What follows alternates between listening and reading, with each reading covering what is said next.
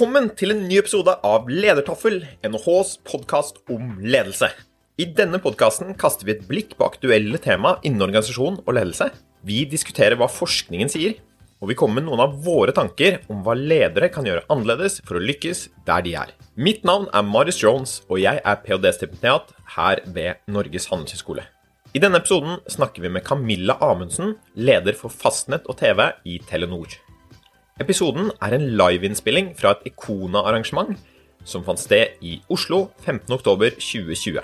Og der hadde Camilla, Therese Sverdrup og jeg en panelsamtale. Vi snakket om hvordan endringer i arbeidslivet påvirker ledelse og samarbeid.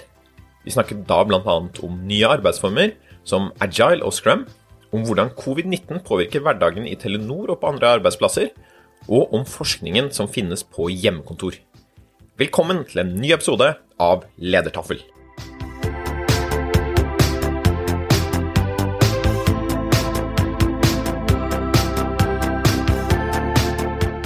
Hei, alle sammen der i salen, og velkommen til eh, liveinnspilling av Ledertaffel. Tusen takk for velkomst, eh, Narve, også. Og dette er da NHHs podkast om ledelse, som er ikke direkte, men eh, nå, for dere som er her, så er den i hvert fall direkte inne fra Ingeniørenes hus. Og vi skal da snakke om ledelse og samarbeid når ting eller omstendighetene endrer seg. Så bakgrunnen for denne samtalen her er jo da at arbeidslivet er i rask endring. Og det tas jo i bruk veldig mange nye samhandlingsformer. Det snakkes om scrum og agile team, at vi skal jobbe i sprinter. Og i tillegg til dette her så har vi jo også korona. Covid har kommet, og eh, det innebærer også store endringer i arbeidslivet. Kanskje noen midlertidig, kanskje noen som er permanente. Det kommer vi litt tilbake til. Men det gjør jo nå at eh, hverdagen for veldig mange da, som, som sitter ute og jobber på ikke lenger sine kontorer, men kanskje da gjennom Teams og Zoom og andre digitale verktøy. Da. Så ganske store endringer det også for, for mange.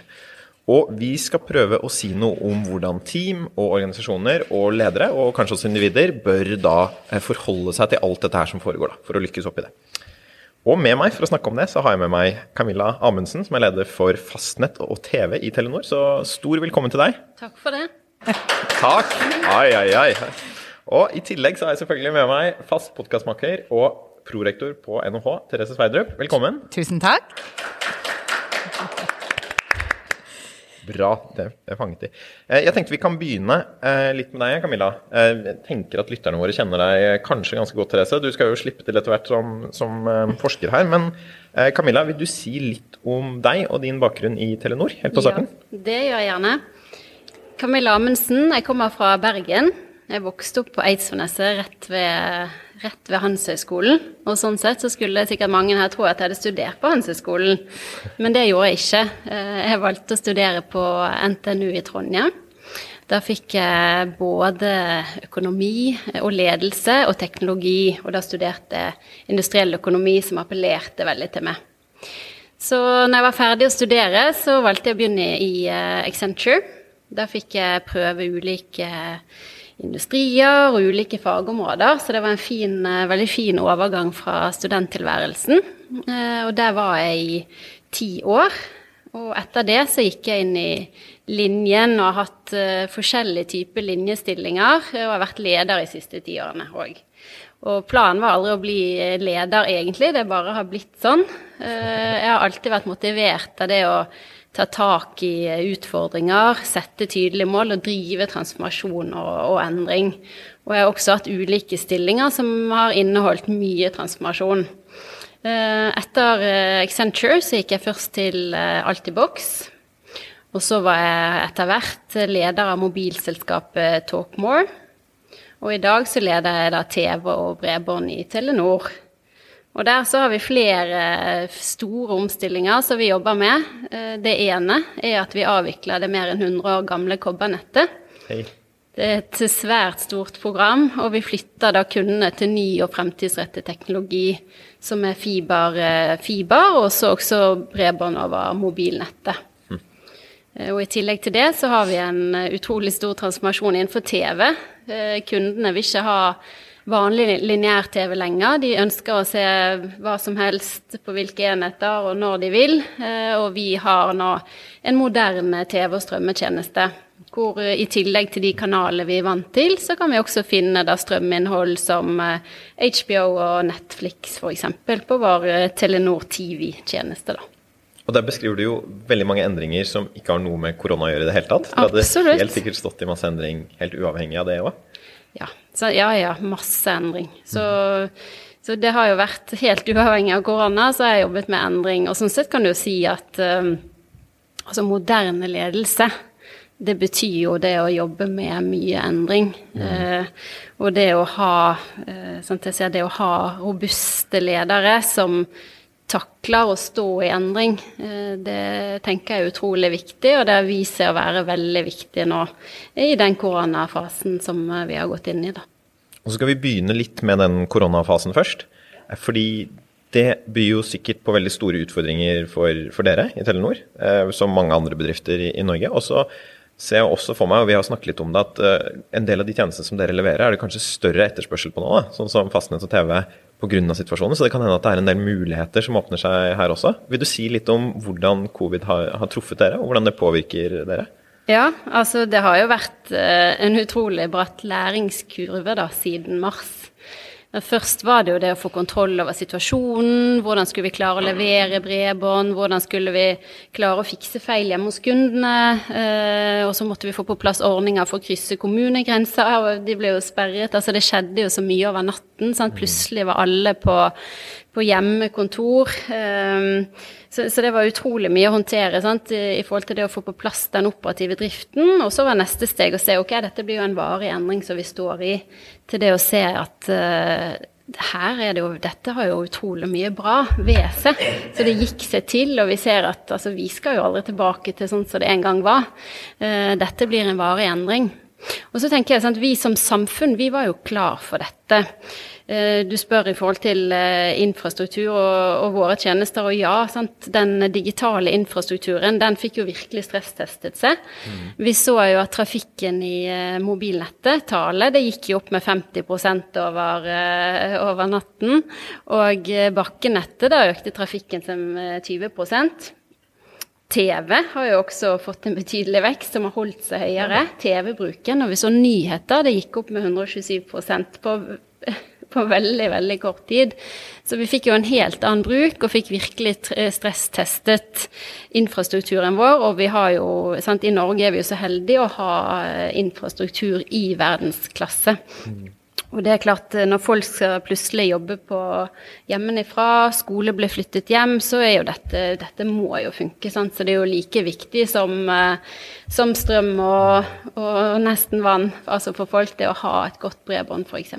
Mm. Det er helt avgjørende. Og så var det jo det med sant, gode digitale verktøy. Eh, det å ha gode digitale verktøy. Så hadde, vi hadde jo det meste på plass. Det som ikke var på plass, det kom veldig fort på plass. Eh, mens bruken ble jo endret veldig. Eh, tidligere så har ikke vi fått til helt det der med videomøter selv. F.eks. når jeg ledet eh, Talkmore, så jobbet jeg på Skøyen. Og, og Talkmore eies av Telenor, så da var jeg ofte på Fornebu. Og da drev jeg og svippa frem og tilbake. og Eh, hvis du var i videomøte da, så hang du litt på veggen, og det var ikke alltid lyden virka. Kanskje det ikke var, var videofunksjonalitet. Um, mens nå har vi jo sett ok, dette blir varig, dette er bra. Eh, vi ønsker å, ønsker å fortsette på, på, en annerledes måte. Vi går aldri tilbake til sånn som det var, og vi må ha gode, gode, digitale, gode digitale, løsninger. Så vi har oppgradert f.eks. 180 møterom på Fornebu. Ja. Så nå funker alt Eh, alt funker, sånn at det kan være noen fysisk og mange på hjemmekontor. Og det er ikke sånn at du føler at du henger på veggen når du er på, på video. At sånn vi har lært, Nå har alle vært i den situasjonen, så vi har lært å bruke dette på en helt annen måte. Mm. Så videomøter er jo én ting, og så er det jo diverse andre digitale verktøy, eh, selvfølgelig. Så dette var vi klare med. Eh, digital selvbetjening. Sant? Vi kunne ikke banke dører lenger i en salgsprosess. Eh, og vi, gode, altså vi har gode løsninger for selvbetjening og har jobbet med dette over tid. Så så vi at vi fikk et umiddelbart hopp i bruken av dette hos kundene våre. Ja. Og også det med bredbånd, f.eks. Du trenger høyere hastighet. Eh, hvis du ikke hadde et bra bredbånd, så var du raskt med å be om å få det på plass. Mm. Og sånn sett var det veldig bra. Vi var veldig godt i gang med å også få kobberkundene over på bedre løsninger allerede. Så, så, det å ha eh, Så du får jo et hopp sant, i å eskalert digital bruk på mange måter. Og, så har jeg jo lyst til å nevne sånn skole. Sant? Ehm, jeg har to barn som går på, på skole. En på barneskole, en på ungdomsskole. Og over natten så satt så var jo skole klare. Ja. Sånn hadde, og det har jo skjedd siste årene. sant? Uh, It's Learning og disse verktøyene som virkelig gjorde det mulig uh, å jobbe for barna da, på en god måte hjemmefra. Sånn, så alt var lagt til rette. Det er nå hvis du skal ha en koronatest, du booker på oslokommune.no mm. eller tilsvarende, og du får testsvar dagen etter. Mm. Så utrolig Vi var klare som samfunn, virkelig. Og, og vi tenker at vi får en helt ny, fleksibel hverdag etter dette. Vi vil aldri gå tilbake til det gamle. Mm. Det er ikke nå lenger snakk om hvor, men hvordan du skal eh, løse oppgavene dine. Eh, og bare siste jeg har lyst til å si i forhold til dette, er jo vi har et søsterselskap i Finland som heter DNA. Ja. Og der har de jobbet med fleksibel eh, arbeidsplass. Det at du kan velge å jobbe fra hjemmekontor hvis du vil det. Det har de gjort i åtte år. Eh, og der har du en utrolig høy tilfredshet blant de ansatte. De opplever at det er en veldig god balanse mellom eh, jobb og fritid. Og der velger de ansatte i snitt å være to dager på kontoret. Ja tre dager hjemme. Som er helt uavhengig av Helt uavhengig av dette. Og, og, vi ser nå, når dette har gått seg til, for vi har jo kunnet slippe litt opp igjen. Vi har gjort om på, flyttet på pulter, og eh, vi har noen dager hver, sant? så vi kan være på kontoret, sånn at folk får eh, møtt hverandre, annet. Og da er det ca. to dager, så man, det er en ganske fin balanse. Så der er vi akkurat nå. Så det kan hende at vi bare på en måte organisk går inn mot denne her optimalen da, som disse finnene har funnet ut, egentlig? Ja, det blir spennende å se. Og så ja. tenker jeg vi har fortsatt utrolig mye som skal gå seg til her. Mm. Eh, korona vil jo eh, banke i bordet før eller siden bli ferdig. Mm. Eh, og da blir det spennende, men en hypotese er at det kan være rundt der vi lander på. Hm. Jeg kjenner meg igjen i mye du sier. Jeg sitter jo på hjemmekontor nå mm. og har oppgradert mitt bredbånd også for anledningen der. Eh, og vi er jo kolleger, Therese, og så har vi jo ikke sett hverandre in person siden omtrent midten av mars nå. Eh, som er litt sånn, Det er litt rart når vi møttes, egentlig. For jeg føler jo mm. egentlig at vi, vi, har jo hatt mye møter og vi har snakket mye sammen. Men eh, ikke sett deg ansikt til ansikt før i dag, da. Så det er omtrent et halvt år siden. Mm. Og dette hjemmekontoret er jo noe som Telenor står i, og så er det mange andre virksomheter som står i, inkludert oss selv. Og så er det jo nå eh, blitt forsket en del på dette her, da, med hjemmekontor. Både tidligere forskning, som, som, ikke henger sammen med korona, men fordi at noen har gjort det før, men også litt i kontekst av dette som har skjedd da, de siste månedene. Mm. Hva vet vi liksom fra forskningen om hvordan eh, hjemmekontoret påvirker folk? Jeg ser på at noen liker det, andre liker det ikke. Hva, hva vet vi egentlig? Ja, det er som du sier. og Jeg har lyst til egentlig å, å referere litt til forskningen før korona. Og så er det ikke så mye som er publisert sånn etter korona, men vi har noen sånn foreløpige funn. Fordi at eh, Det er nettopp det at det skjedde noe med at alle ble tvunget. Så du får en helt sånn eksperimentsituasjon nærmest med at alle går på kontor. Men det man visste før, var i hvert fall det at eh, det er både fordeler og ulemper. Så på fordelssiden så er det det at eh, en god del opplever en økt familiejobbalanse, familie-jobb-balanse. Fordi at de lettere i forhold til levering av barnehage, lage middag mens ungene mens du er hjemme før de kommer hjem osv. Men da er risikoen for de som da er arbeidsnarkomane fra før av, de jobber da hele tiden. Sant? Så da klarer ikke de å balansere det med jobb og familie. Så da blir det en overslagseffekt, som vi ofte kaller det. Eh, en god del som da er på hjemmekontor, kan oppleve eh, at de får mer tillit, sant? og det er positivt. Gir en fleksibilitet til at noen sier til deg vi stoler på deg ved at du tar det hjemmekontoret, at vi tenker du gjør jobben din der. Det er en veldig tillitserklæring. Og det vet vi fra forskningen rundt tillit og ledelse at det er positivt. Så det er en positiv eh, del av hjemmekontor. Og så er det noen som har eh, sett på dette med tilfredshet generelt, eller jobbtilfredshet. Så ser man det at ja, det er økt jobbtilfredshet, og det sa jo du litt om i, Finland. Men samtidig så er det noen som til og med sier at nei, maks da 15 timer i uken som eh, hjemme. Så det er faktisk mindre tall enn det Camilla refererte til. Men husk at dette er studier gjerne fra USA osv. Så, videre. så det er noe med at det er økt fleksibilitet. Noen rapporterer også om økt produktivitet. Økt familie-jobbbalanse, økt tilfredshet. Men på ulempesiden så er det det med eh, sosial og profesjonell isolasjon folk snakker om. Fordi at En ting er at du har arbeidshverdagen din og rutinene, og har du en veldig sånn type rutinejobb, så får du gjort ganske mye på hjemmekontoret. Men når du skal da utvikle deg, så kan det være utfordrende. Fordi at det skjer gjerne i interaksjon med kollegaer osv. Og, og det sosiale, selvfølgelig. Denne praten ved kaffemaskinen. 'Oi, meg og Marius gikk samtidig og hentet Oi, ja, hva gjorde du i helgen, Marius?' Den mister du, denne dimensjonen der. Og det vet vi er et viktig lim i organisasjonen, spesielt for å bygge kultur. Så altså, akkurat den er en ulempe eh, med utstrakt eh, bruk av hjemmekontor. Så du får altså da, som et resultat av det, færre mulighet for nettverksbygging. Mm. Eh, og jeg vet, Camilla, du har snakket om dette før eh, når vi har forberedt oss til denne podkasten, spesielt for de yngre. Sant? 30 år og yngre. Sant? Du kjenner ikke så mange på arbeidsplassen. Så er det vanskelig å bare ta en, en, en telefon eller en Teams-samtale til noen bare for å si 'hei, hei, hvem er du', ja, skal vi bli kjent? Sant? Det er mye vanskeligere når man sitter på hjemmekontor. Og vi vet også det med mindre innovasjon eh, fra hjemmekontor og, og, kreativitet. Fordi at det ofte oppstår det i disse fysiske møtene. Mm. Enten det kan skje ved denne kaffemaskinen, eller i en lunsj, eller at du treffer noen tilfeldig, og du hører de prater om noe, så slår du av en prat, og så oppstår det et øyeblikk av eh, kreativitet eller innovasjon. Mm. Så vi ser jo det, selv om du kan holde workshops på Teams, f.eks. Nå skal vi være innovative. Jeg tror det er mulig, for all del. Men den spontaniteten i innovasjon og kreativitet, den forsvinner litt ved bruk av hjemmekontor. Så det er helt klart at uh, det er de generelle forskningsfunnene før korona. Og så hadde jeg bare lyst til å referere litt til noen forskere hos oss. Jon Iden og co., professor innenfor digitalisering. De hev seg rundt, som vi liker å si. Og så tok de og intervjuet 39 medarbeidere i uh, høyskole- og um, universitetssektor av administrativt ansatte. De er normalt på uh, campus, altså jobber veldig fysisk til stede på sitt kontor. De ble jo da over natten sant? tvunget tilbake til hjemmekontor. Litt sånn eksperiment. Hvordan skal dette gå? Så de intervjuet de om det. Hvordan hadde det opplevdes å være på hjemmekontor i denne perioden? Og Deres foreløpige funn, og ikke dette publiserte studier, men de har skrevet en del kronikker som man finner de i eh, Dagens Næringsliv og Finansavisen. vet jeg. Det de ansatte opplevde, var en opplevelse av større fleksibilitet. Det ga mindre reisetid, selvfølgelig, sant? som gjorde at du hadde mer tid til, til, å jobbe effektivt. Du fikk mer tid til familien og arbeidsro. Så det var det på det personlige plan. For bedriftens side så opplever man en økt produktivitet og også et økt engasjement fra de ansatte. Så det er litt sånn overraskende, vil jeg si, gjerne, funn. sant? Fordi at du skulle tro at du ville bruke lang tid bare på å skjønne hvordan vi skulle få hjemmekontoret til å fungere, og Teams og Zoom og alt dette her. Men overraskende raskt gikk dette som smurt, altså, innenfor den sektoren.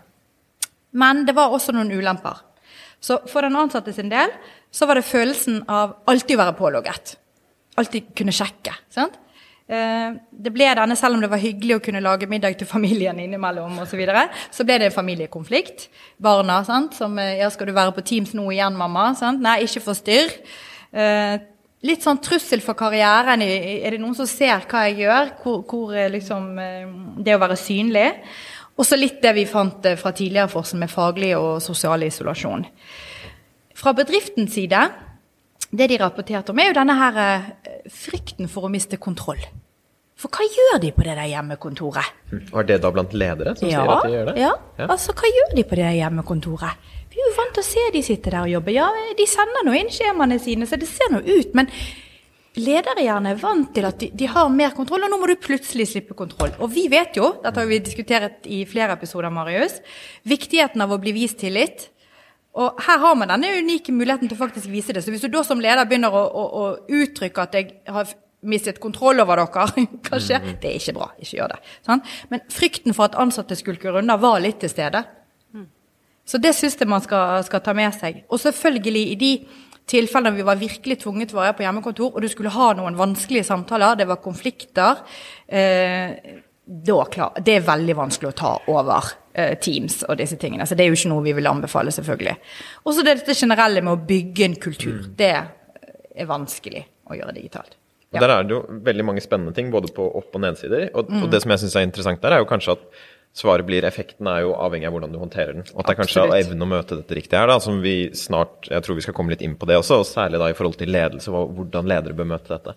Og så tenkte jeg, Her var det jo litt fra forskningen, og det er jo både sikkert noen fra Norge og noen fra USA. og alt mulig, og Da har jeg litt lyst til å spørre deg, da, Camilla, hvordan du kjenner deg igjen i det Therese sier her. Og kanskje særlig på én ting, og det tenker jeg på dette med grupper. For hun sier jo noe om at yngre kanskje rammet litt andre enn eldre. og Er det sånn at det er yngre som syns det er mest krevende, eller er det de eldste som kanskje ikke er så vante med teknologien? Så, så hva tenker du når du hører dette?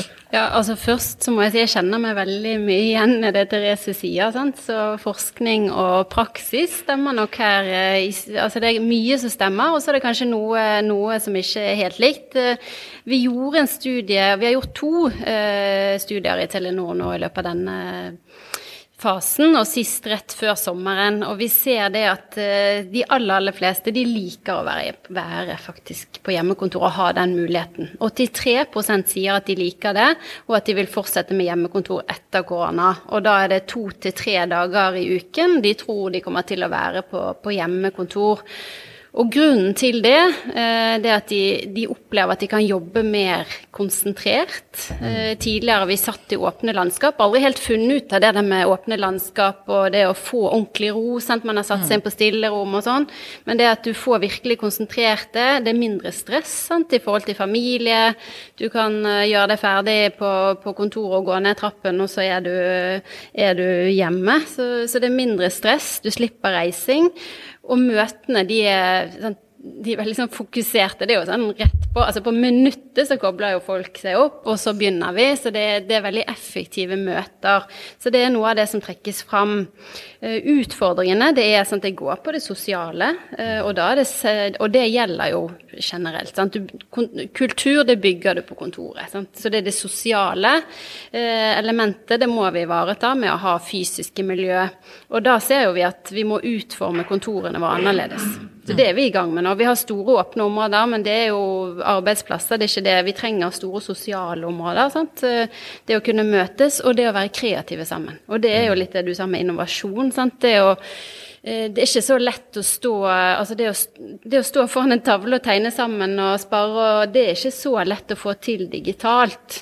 Um, og, så er det i forhold til grupper. Sant? Det er særlig de unge, de under 30. Sant? De bor, de er gjerne nye, kanskje de er nye i byen, sant? eller de bor i små leiligheter. De er en veldig sosial fase av livet. De omgås eh, kollegaer, eh, gjerne på fritid. Eh, eh, skal si selv, traff mannen min på jobb. Jeg tror ikke jeg hadde gjort det hvis det var, hvis det var hjemmekontor. korona. Så det er jo det at du Altså det mm, det er de unge som eh, Ja, sant. Og det med raske avklaringer òg. Det har også kommet opp. Det å kunne få raske avklaringer. Og så tenker jeg det å vise omsorg som leder, det er utrolig viktig å ivareta de ansatte. Sant? Du ser, du møter de på gangen, du ser ok, her er det et eller annet, går det bra, liksom. Altså det må du jo fange opp nå på en helt annen måte. Så, men totalt sett, sant, man er fornøyd og vil ha hjemmekontor senere, men vi må ivareta det sosiale. Og vi, eh, vi river vegger og bygger sosiale soner eh, nå. Eh, I forhold til grupper så ser vi altså småbarnsfamiliene Når vi ble ferdig med det at altså det er klart når barnehagene var hjemme og alt altså Barnehagene stengte, og da var det jo veldig krevende å håndtere en jobb samtidig, selvfølgelig. Eh, og, og det var jo en helt uh, spesiell tid. Men når barnehager og skole åpnet igjen, så syns småbarnsforeldre dette er ganske greit. Uh, fysisk utviklingshemmede de syns jo det fungerer bedre, for du har færre fysiske hindringer. Og så er det det med pendling. sant? Jeg har f.eks. en i mitt lederteam som bor i Stockholm. Han har vært i Oslo tre-fire dager i uken.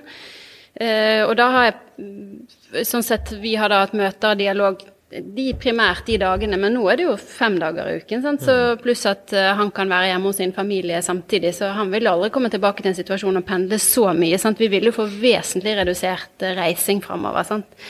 Så mm, ja. eh, Men min erfaring òg utover denne innsikten, og dette med lange møter, det syns jeg fungerer best fysisk. Altså ledermøte f.eks. på fire timer, det blir tungt å ta. Du, må ta de mer kort effektive, de, eh, de videomøtene. Sant? Eh, Blir lei av å sitte på dette soveromskontoret mitt. Og det å tenke sammen, det, det funker best når når vi er fysisk sammen. Og, og, og selv så tenker jeg Jeg er en person som tenker veldig i dialog med andre. Eh, Ja. så, så da å sitte i en boble det, Så jeg trenger jo interaksjon, så det blir jo til at du tar en del samtaler og, og den type, f.eks. Jeg syns det er interessant det her eh, behovet for å dele opp dagen litt, som kanskje er mer Ja. krevende nå. Og Der har jeg hørt mye sånn kreative mestringsstrategier som folk har hatt. Ja. Noen som jeg har snakket med som bl.a. går rundt huset en tur før de skal på jobb, og går hjem fra jobb da ved også gå rundt huset, som, som kan være en fin måte å gjøre det på. Og det er begynt med nå, når, jeg har møter som jeg vet jeg trenger ikke å se på et dekk, f.eks., eksempel at eh, da går jeg gjerne en tur samtidig. Sånt er jo veldig Men, men det er nesten så vi burde, vi burde begynne å innkalle, så burde vi skrive Det er gående gå møte. gå det. Dette kan være et gående møte. Det må, Ja. Fordi det er jo så viktig, sant. At, mm. sant det med en ting, altså, Og det å få beveget seg, for du mister jo det når du ikke går til og fra buss eller sykler. Så det å få beveget seg, det å ta pauser, eh, tenke gjennom ergonomi, sant. Mm. Vi har sluppet opp for at folk kan komme på kontor og ta med kontorstoler, skjermer og, og den type. For det er veldig viktig at, eh, at det nå ikke blir sånn at folk sitter dårlig. Altså de tingene. Det er kjempeviktig. Eh, I forhold til det med å jobbe hele tiden, som du var, var innom, så tenker jeg jo det at, um, at eh, det kan være, og det skal vi være veldig veldig obs på, ledere, som ledere. Og så tenker jeg at eh, kanskje det har at vi ikke har sett så mye endring på det akkurat nå.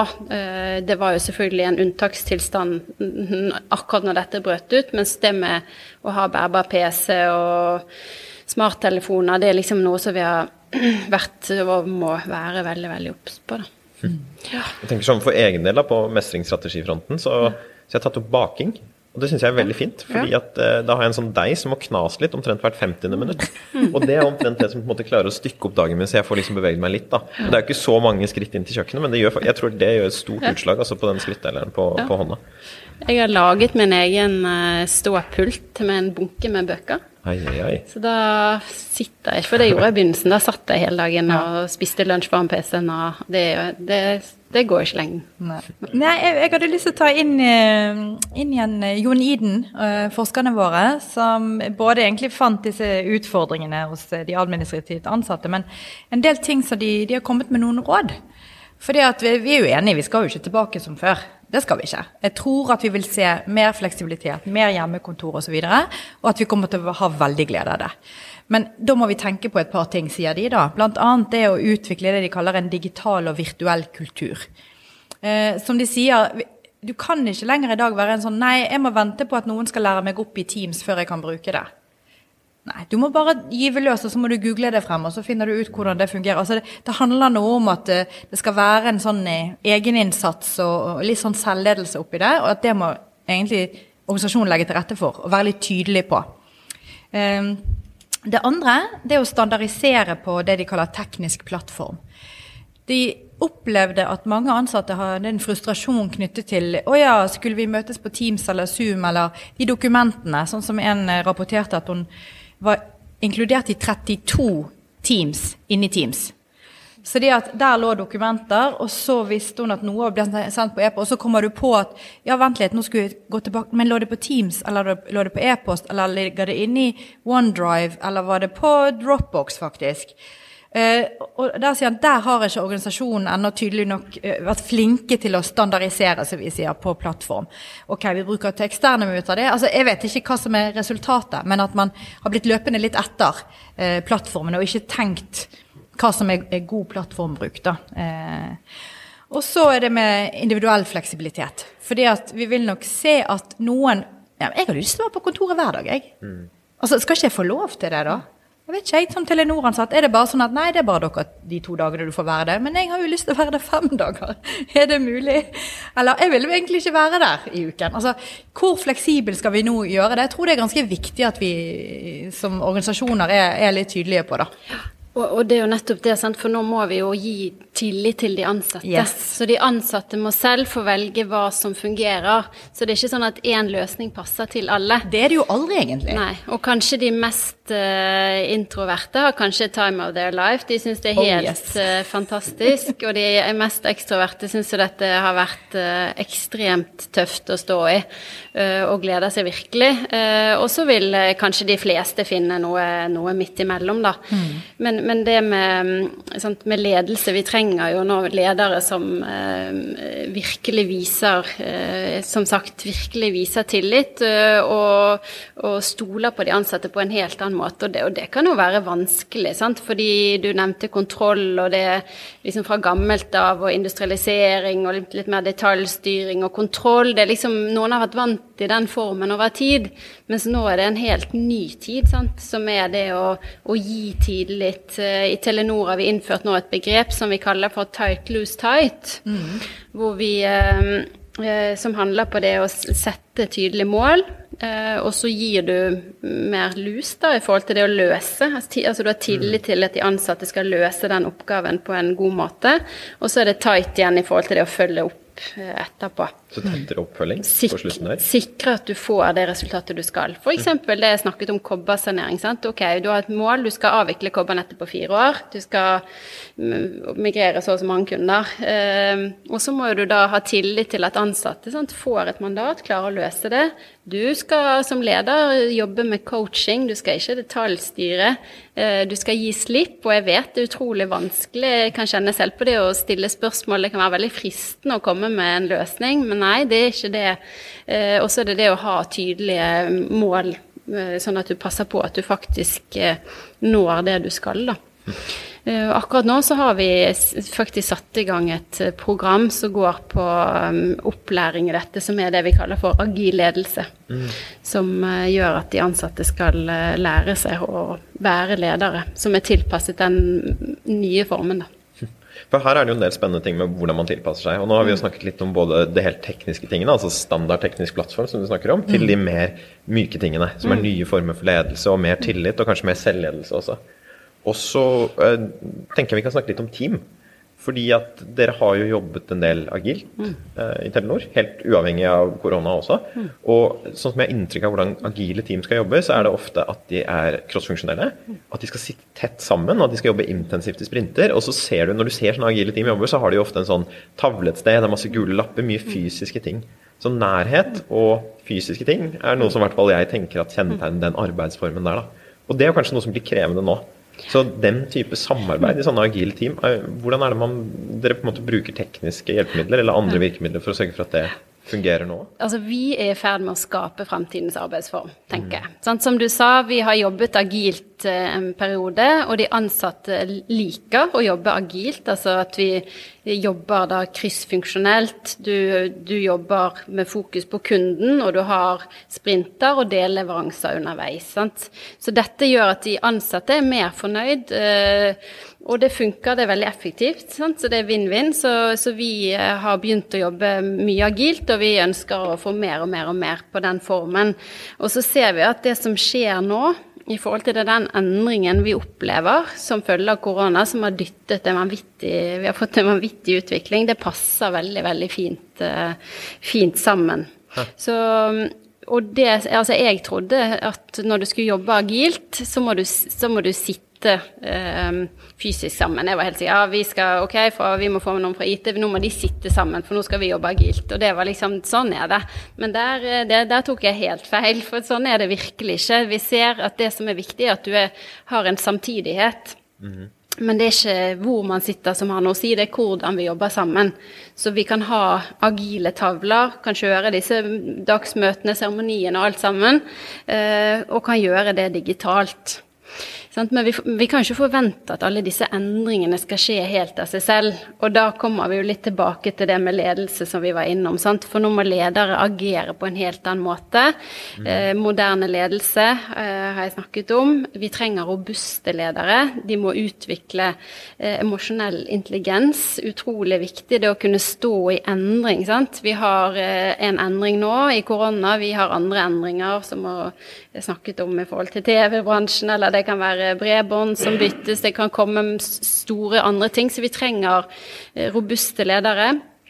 Selv har jeg jobbet med mitt lederteam eh, på å utvikle det innenfor dette i, i halvannet år. Det med, med, relasjonskompetanse, hvordan du håndterer stress. altså Alle disse tingene tenker jeg er utrolig viktig. Mm. Og det er dette vi da nå også skolerer alle våre ledere i, og, og snakker om i Telenor som uh, tight, loose, loose tight. da. Skjønner. Og, og du har jo forsket på noe relatert, Therese, som er dette med virtuelle team. Og det er jo også forskning som du har gjort før korona kom, for det er jo ikke sånn at eh, det er først nå vi begynner å jobbe sammen virtuelt. Men hva er det som kjennetegner samarbeid der?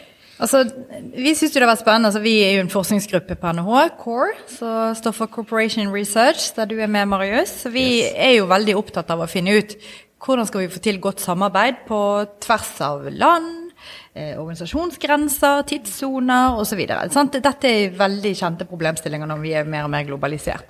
Så vi ønsket tidlig egentlig å, å dykke litt mer i dette det vi, den gangen vi kalte virtuelle team, ved at eh, disse teamene egentlig ikke er på samme sted, nærmest heller på samme tid. Så i en av de studiene vi hadde, så fikk vi lov å studere en, en relativt liten oppstartsbedrift, men den oppstartsbedriften hadde stort sett ansatte som jobbet i hele verden, men det var eh, basert i Oslo. Så det vil si at de hadde folk som stort sett eh, kommuniserte på eh, ja, online, eller hva skal jeg si, virtuelt. Og, og da fikk vi lov å gå veldig i dybden på hvordan de fikk det til. Og det vi fant der var at helt i bunn, for å få det til, så må tillit ligge. Og det er noe med at man må bare være tydelig og gi ut og si at her er tillit i bunn. Vi må ha tillit til hverandre. Men driverne da for at tilliten skal oppstå, det handler om kultur, og så handler det om struktur. Altså to sånne klassiske hovedkategorier innenfor organisasjonen. Og når det gjaldt kultur, så handlet det om at eh, man satte noen normer for samhandling i, de, eh, i den organisasjonen og i de teamene de skulle jobbe. Og det ble hentet veldig mye fra, fra Skrøm eh, og fra agile team, fordi at der har man veldig gode eh, normdannelser, eller normer rundt det med at du skal ha en seremoni med oppstart, du skal ha eh, disse standup, og du har en retrospektiv osv., som er utrolig viktige elementer i å bygge kultur for det å, å samhandle. Eh, og så det med sosialisering, det er jo gjerne da du bygger kultur, som vi sa med kaffemaskin. De har innført da egne sånne kaffepratkanaler. Og, og apropos det med disse verktøyene, sant? der eh, brukte de Slack.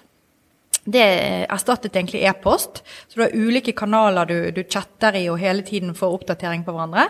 Og så bruker du Trello, som er et oppgaveboard. Der, der ligger oppgaven og oppsummeringen av det. Og så har de eh, Whereby, som er på en måte det digitale altså Teams der du samhandler og, og ser hverandre og ringer til hverandre og møter. Og så har du noe som heter Confluence, som er en Wikipedia-side nærmest, der du legger alle dokumenter, og så jobbet de i Google Docs. Og det klarte de å ha gode systemer på, gode strukturer på, og så fikk de da til vanvittig god samhandling på tvers av det. Men jeg syns bare det er interessant hvordan de da, med det, det myke, tillit i bunn, men samtidig var ekstremt tydelig på strukturene, arbeidsprosessene og hvordan de bygget kultur. Og da um, fikk de til det vi kaller virtuell samhandling uh, utenpå det.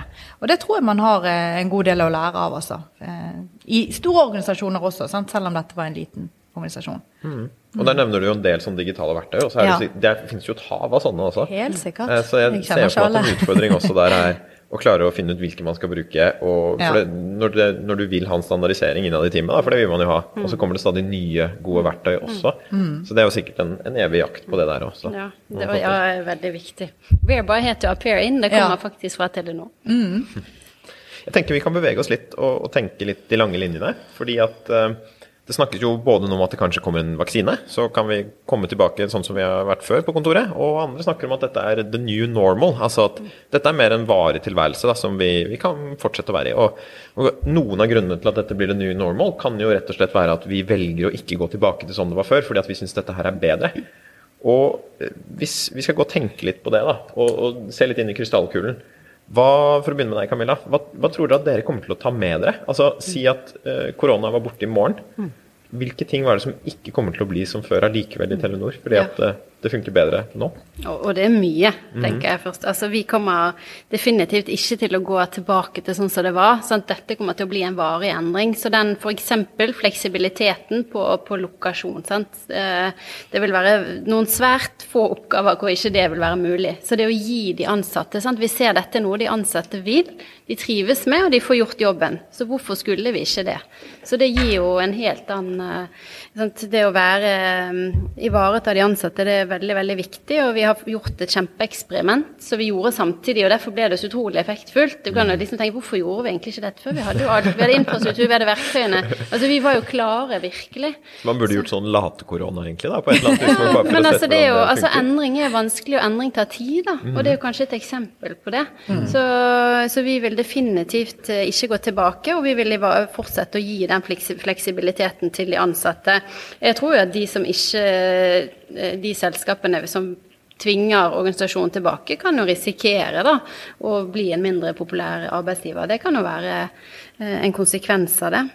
Så mm, kanskje vi etter hvert vil få økt mangfold, fordi det gir fleksibilitet, lettere work-life balance, mindre hin altså hindringer fysisk for uh, handikap. Det er lettere. Du kan ansette i et større geografisk område. Sant? Mm. Man kan bo lenger unna. Uh, det er jo veldig spennende, tenker jeg. Uh, Hvilke muligheter det kan gi etter hvert. Så ja, vi, vi vil få vesentlig mindre reising. Uh, det, vi, det kommer vi til. Altså, du, du reiser ikke en innenlandstur nå lenger, sånn som du gjorde før. Den barrieren blir mye høyere. Så det, jo, det har ikke vi vært innom her ennå, men miljøeffekten av dette. Sant? Reisevirksomhet har jo eh, falt eh, voldsomt. Eh, og så vil det jo gå noe opp igjen naturligvis når korona er ferdig, men eh, i næringsliv, det å reise Altså vi, vi kommer definitivt til å endre oss i, i Telenor i forhold til uh, reisemåter. Og så er det jo det med kontorene. Sant? Så jeg var innom det med fysisk utforming av kontorene. Det vil jo bli en varig endring. Vi er i gang med å rive vegger og bygge sosiale soner. Og, og det er en selvfølge å ha de digitale verktøyene du trenger sant? for å ha gode videomøter. Eh, Therese, du nevner diverse verktøy. Det å ha de verktøyene man måtte trenge da, for å jobbe godt og effektivt sammen uten å være fysisk eh, sammen. Og så er det jo det med digitalisering som vi bare vil fortsette med. Eh, digitaliseringen har eh, eskalert. Eh, både bruken, som vi har vært innom, også eh, på arbeidsplassen, men også for kundene. Sant? Det at de blir mer og mer Mange har ønsket å, å bruke digitale løsninger lenge. Eh, vi har fått et hopp nå, ja. og det vil vedvare. Og jeg tror at de bransjer som eller de selskaper som ikke legger til rette for gode digitale kundereiser, de vil få en større utfordring nå, mm. tenker jeg. Så, og så kan det òg være etter hvert altså at kanskje du, du jobber på en helt annen måte. Kanskje du får et flatere organisasjonsoppsett. da Du trenger kanskje færre mellomledere potensielt. Det, det vet jeg ikke. Vil, vil du si litt om det der kontoret deres? Hvordan det kommer til å se ut? Jeg syns det er ganske spennende at du må endre hvordan de flatene ser ut. Ja. Og hvis du sier at mye eh, egenarbeid kanskje, men også jobb generelt kan skje på hjemmekontoret, og så må vi ha sosiale soner. Altså, Blir det da nærmere på en måte et sånn festlokale eller et møtelokale, og at det skal være med at man kommer dit for å være gøy og hilse på folk, enn at, man, enn at arbeid skjer på kontoret? Altså, det vil jo fortsatt være jobb som skjer, eh, mens du vil jobbe sammen Altså, det vil jo Du vil jobbe på en annen måte når du er på kontoret, sant. Kanskje det som Telenor var jo tidlig ute med å få åpne landskap, eh, og det har jo hatt mange fordeler. Vi har lært mye av det. Eh, og så ser vi at det har vært noe som ikke har funka. Vi ser det funker mye bedre å gjøre det konsentrasjonsarbeidet hjemme, f.eks. Så nå vil det jo være mer f.eks. kreative soner. Eh, at du kan jobbe med kreative typer arbeidsoppgaver og løse det sammen. Men også sosial interaksjon. At du kan sitte og jobbe sammen eh, i en litt annen sosial setting, da. Eh, og så er det jo det å bygge da en kultur som blir veldig viktig i forhold til det. Så det er jo det å lage mer åpne sosiale soner istedenfor sånn svære, stille soner, da, som det har vært uh, nå, egentlig. Det er egentlig utrolig fint, for altså det der åpne landskapet har vært mye omdiskutert. Så det er jo veldig fint hvis på en måte korona nå bare har overkjørt den debatten, og at vi slipper hele greia. For hjemmet er det nye åpne landskapet, egentlig. Det, altså, det er jo det Hjemme er kontoret, og så er jobben det åpne landskap. det sosiale. Hva tenker du Therese, når du hører dette her? Og Nei, jeg, jeg- tenker jeg både på vegne av liksom, Ja. virksomhet generelt, hvordan tror du arbeidslivet kommer til å dø ut, men også kanskje litt oss som en handelshøyskole. da. Ja, for jeg hadde egentlig lyst til å gripe fatt i det. For jeg kan ikke si at jeg er uenig med, med Camilla her. Det vil egentlig bli å gjenta. For det, å se inn i krystallkulen er det vel ingen av oss som kan, men at ja, vi kommer til å gjøre noen endringer. Så jeg er enig i mange av de tingene. Men det er jo nettopp det vi sysler med selv. Vi ønsker jo å ha studenter på campus. Vi tror det faktisk er viktig at de lærer seg å se folk i øynene og, og samhandle fysisk. Sant? Men det er klart at det å stå i et, um, et auditorium og, og, forelese i en monologstil, da kunne du tatt opp den videoen, og så kunne studentene sett den. Og så kan de møtes, og så kan vi ha case workshop. Mm. Og, og, den endringen var jo begynt å bli litt, og den er jo total nå. Så veldig mange av våre forelesere nå, enten om de spiller inn en video i auditoriet, eller de lager kortere videosnutter, og så har de da samhandling med studentene fysisk, som handler mer om oppgaveløsning, diskusjon, rollespill, case-løsning osv. Det tror jeg vi bare ser en eskalering av, og det tror jeg er utrolig viktig. da. Mm. Og det er jo veldig parallelt til det vi ser. Sant? sant? Det er den interaksjonen yes. som du trenger eh, ja. For det, jeg, jeg syns jo det at vi, vi jeg, nå er det bare personlig erfaring. Jeg syns jo det er kjedelig på hjemmekontor, jeg, da. Mm. Jeg syns det er så nydelig at jeg både har kontoret mitt der jeg kan lukke døren, men òg gå ut rett i gangen og være sosial. Så jeg, jeg, kan gjerne reise til det kontoret jeg, kan så sitte alene, men så kan jeg gå rett ut i gangen og sosial. Så, så, det er jo bare kanskje typen da vi er. sant? Så, og det, litt, det var litt interessant med Jon Iden og studien deres. De spurte alle disse folkene på en skala fra én til fem eh, vil du eh, sitte på hjemmekontor. Veldig mange svarte én. Veldig mange svarte fem. Noen svarte tre. Altså Det er ikke liksom ett fasitsvar heller på, på, hva de forskjellige foretrekker. Men jeg tror jo stikkordet likevel er fleksibilitet. Sant? Og det er den biten vi nå må bare bake inn mer og mer. At ikke det å, å være en som sier jeg vil sitte på hjemmekontoret, at du skal få stempelet som at å ja, du skal snylte unna. Sant? Du skal liksom lure deg unna. Nei, det er ikke det. Det er bare min foretrukne stil. Så det er jo den eh, vi må utforske hos hverandre, og spesielt som ledere, og kjenne sine medarbeidere mest.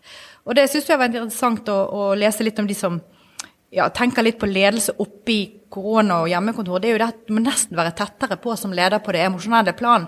For du skal både ta hensyn til medarbeiderne dine om at de nærmest har ergonomisk riktig hjemmekontor, men òg går det bra med deg? Altså Har du noen du snakker med? Får du vært sosial? Altså, du går inn på en helt annen dimensjon enn du gjorde før, da, tenker jeg, hvis du er en god leder. Ja.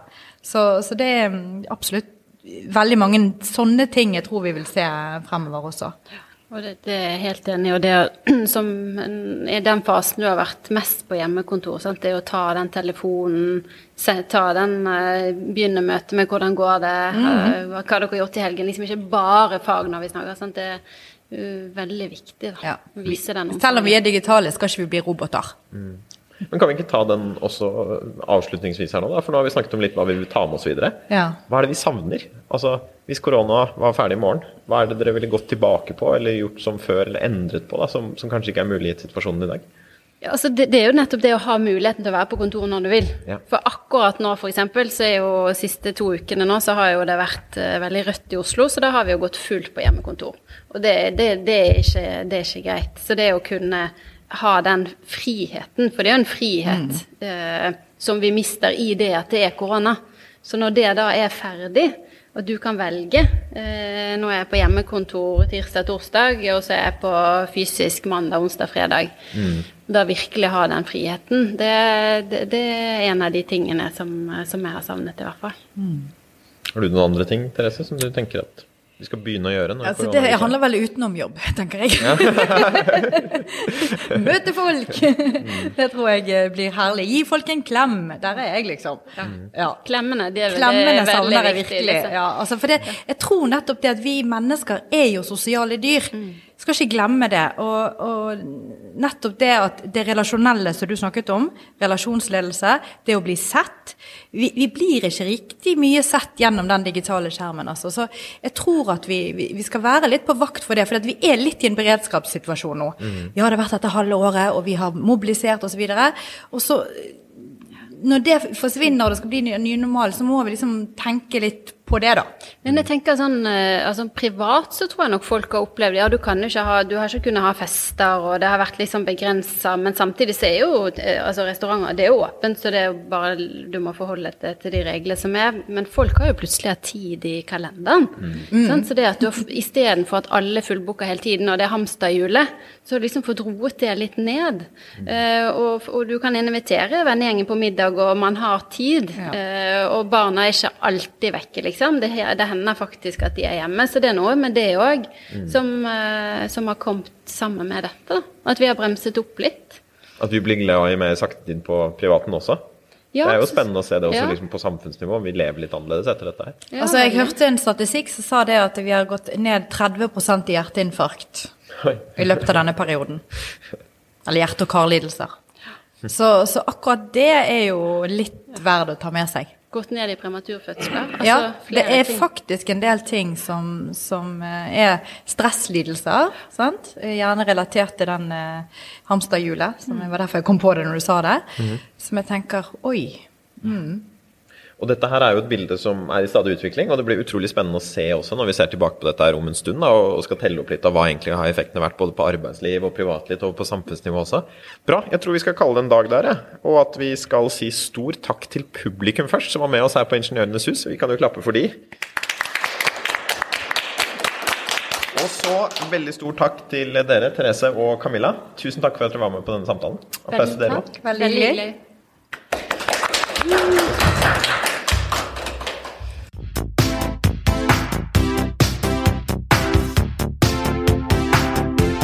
Har nå hørt en episode av Ledertaffel, NHHs podkast om ledelse.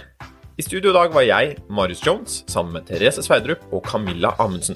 Om du vil vite mer om hva vi holder på med på Norges handelshøyskole, så finner du oss på nhh.no, og vi søker på NHH på Facebook. Vi høres!